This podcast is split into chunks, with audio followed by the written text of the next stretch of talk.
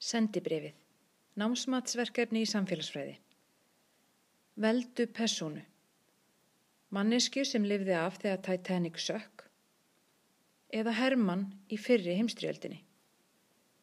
Þú átt að setja því spór mannesku sem lifði af Titanic slísið eða Hermanns úr fyrri heimstriöldinni byggt á því sem þú hefur lært hinga til af bókinni, hljóðvarpinu og af kveikmyndunum sem við höfum hort á.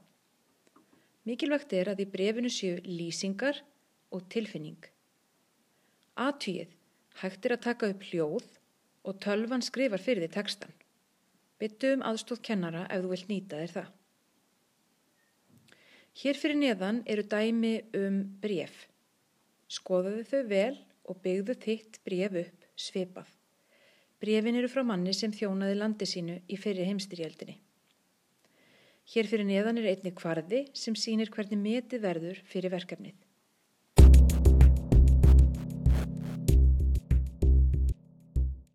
Brefið þitt á að vera 200 til 300 orð að lengt. Námsmatið er þannig að ef nefnda tekst að sína fram á góðan skilning á efninu og hefur sínt metta til að setja sér í spór brefaritara á mjög sannfærandi hátt, lýsingar eru góðar og mikil tilfinning í tekstanum, fær nefnandi A. Ef nefnda tekst að sína fram á þokkalega skilning á efninu og hefur sínt metna til að setja sér spór brefarittar á sannfærandi hátt, lýsingar eru ágætur og nokkur tilfinning í tekstanum, fær nefnandi B. Ef nefnda tekst að sína fram á einhvert skilning á efninu og tekst að einhverju leiti að setja sér spór brefarittara, en lýsingar eru fáar og fremur lítil tilfinning í tekstanum, þá fær nefnandi C. Ef nefnandi sínir fram á mjög takmarkaðan skilning á efninu og hefur ekki tekist nægilega vel að setja sér í spór breyfarítara, lýsingum er ábótavant og lítill tilfinning í tekstanum, þá fær nefandi D.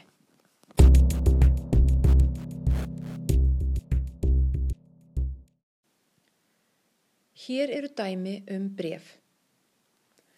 Kæra móðir, stríð er helvíti. Þannig er líf mitt núna í stuttumáli en ég er vissum að þú og börnin sættið ykkur ekki við bref sem aðeins inni heldur eina setningu. Svo hér er það sem ég hef verið að stúsast. Við höfum eitt síðustu mánuðum í skotgröfunum. Ég efast stórlega um að þessa skotgrafir bjóðu upp á meira öryggi en venjulegur hernaður. Hér eru stöðu í sjúkdómar og dauði. Liktinn er óbærileg. Ef þú vilt fá einhverja hugmyndum hversu óbærileg, ímyndaði þér blöndu af látnum hermönnum, úrgangi og mönnum sem ekki hafa baða sig svo mánuðum skiptir. Oft vöðum við drulluna upp á ökla, dögum og vikum saman. Margir okkar þjást af fótsárum og meinum vegna kulda og vósbúðar. Í þessum aðstæðum veldi ég stundum fyrir mér hvort að berjast fyrir land, mitt og þjóð sé virkilega þess virði. Margir hafa ákveðið að þetta væri það ekki. Þeir hafa skotið sig fyrir slisni svo þeir getur farið heim í stað þess að berjast. Nú þarf ég að fara, hugsið vel um ykkur og byggði fyrir mér og félögum mínum. Þinn elskandi sonur Karl Eftirskrift Ef það er ekki mikil fyrirhöfn, viltu þá vera svo væn að senda mig sokka. Allir mínir eru í hræðilegu ástandi.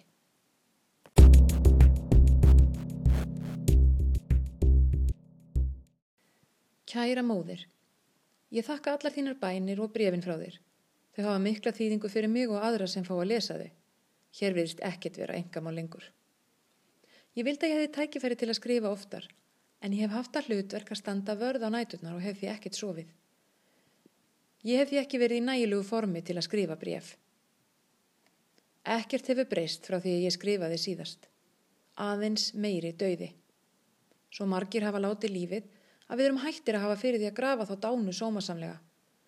Aðeins er grafin grunn fjöldagröf þar sem mennirnir eru látni liggja. Við höfum hreinlega ekki við að grafa þá dánu. Við höfum alls ekki við.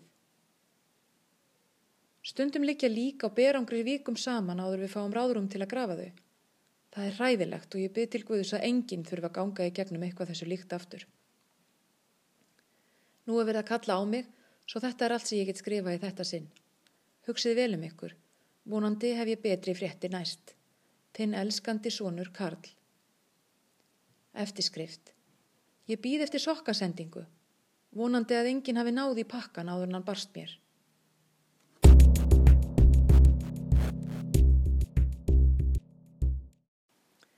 Kæra móðir, nokkrir okkar voru sendir í leynilega för. Við yrðum að læðast yfir á svæði óveinana. Fyrir miður mistókst okkur og við mistum nokkra menn. Þegar við vorum að læðast inn á einskismannslandið, eins og fyrirskipanir okkar sögðu tilum, rákunst við á óveinahermenn sem voru sennilega þar í sama tilgangi og við. Við stoppuðum og börðumst við þá. Ekki með bissum okkar og vopnum, heldur með hnefunum. Þetta voru eins og slagsmál á krá, en í stað þess að vera druknir af áfengi, voru við druknir af hræðslu og adrenalíni. Hefðu við gefið frá okkur minnsta hljóð, hefði samstundis verið skotið á okkur með vjelbissum. Þegar við höfum mist helmingina liðin okkar, eftir að einn úr óvinnaliðinu dró upp hníf, dróum við okkur í hlið og snýrum aftur til okkar hliðar vývallarins, ofan í skotgrafinnar. Mamma mín, þetta var svo skjálfilegt. Það eina sem ég hugsaði allan tíman var, ég á eftir að deyja, ég á eftir að deyja. Þökk sig Guði að svo fór ekki, en ég er í miklu ójabægi eftir ósköpin. Eitt er víst, ég byrð mig aldrei fram í svona lagað aftur. Gleimið ekki að byggja fyrir mér og félögum mínum og hugsið vel um ykkur. Þinn elskandi sonur, Karl.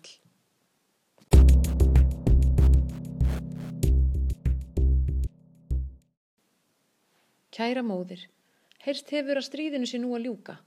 Ef ég á að vera alveg hreinskilinn, þá efast ég um að það geti nokkuð tíman orðið. Við höfum setið hér í þessum skotgröfum og beðið dauða okkar í tvö ár. Svo verðist sem það eina sem er önverulegt sé dauðin, stríðið og það sem við höfum í skotgröfunum. Flestir okkar hafa glemt veröldinni utan við þetta stríð. Þegar við reynum að hressa okkur við með sögum frá því fyrir stríð, eigum við bátt með að trúa því að þær sögur séu sannar. Mamma mín ég vona að næst þegar ég skrifa þér verði stríðinu sannarlega lokið og að ég hafi ánægulegar frettir handa þér. En ég er vissum að það gerist ekki. Ég elska þig. Góða nótt. Þinn elskandi sonur Karl. Eftirskrift. Þakka þér fyrir að senda mér ímislegt sem ég hef beðið um. Ég verð þó að beðja þig um að hætta sendingunum, þar sem ég hef ekki fengið í hendurnar einn einasta pakka. Ég held að þér komi aldrei. Betra væri fyrir því að gefa börnunum það sem þér hefur verið skamtað, frekar en að senda það burt.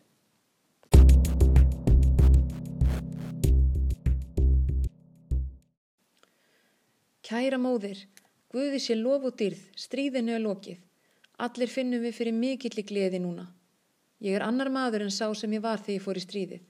Ég er ekki viltur og kærulaus eins og ég var. Stríðið hefur breytt hverjum manni, konu og barni. Hermenn hafa umbreyst úr ungum kærlusum drengjum í alvarlega menn. Unglingstúlkur hafa tekið þessi hlutverk maðurra og meðan húsmaðurnar hafa tekið þessi hlutverk eiginmanna sinna og svona með því að vinna utan heimilisins í verksmiðjum og annað slikt. Ekkert bát veit í raun hvaða er að vera ungt og frjálst. Allt sem þau þekkja er stríð og skamtanir. Ég er svo spenntur við að komast heim og sjá börnin aftur. Ég hef mist af svo miklu í uppvexti þeirra. Ég hef mist af því að sitja með þeim öllum fimm og segja þeim sögur og spila á spil. Ég hef mist af svo miklu af ævintýrum þeirra og æslafullum leik. Ég ætti sennilega að segjast svektur yfir því að við töpuðum stríðinu en á þessari stundu er ég svo yfir mig ánaður yfir því að mig að snúa heim og hætta að hafa áökjur af því að einhver skjóti mig á meðan ég sef.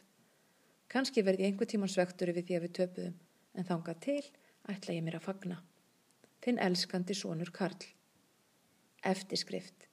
Ég fekk loksins pakkana frá þér. Þegar ég fekk þá gati ég ekki annað en leið og sendillin hló með mér. Því miður hafði einhver náð í þá áður en ég fekk þá í hendurna. Því allt sem, ég, sem eftir stóð var innpökunapapirinn.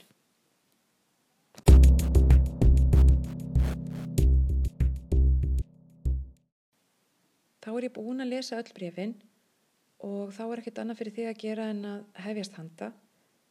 Ég vona þér gangi vel og ég ætla að byggja þig um að vanda þig vegna þess að þetta er mikilvægt verkefni.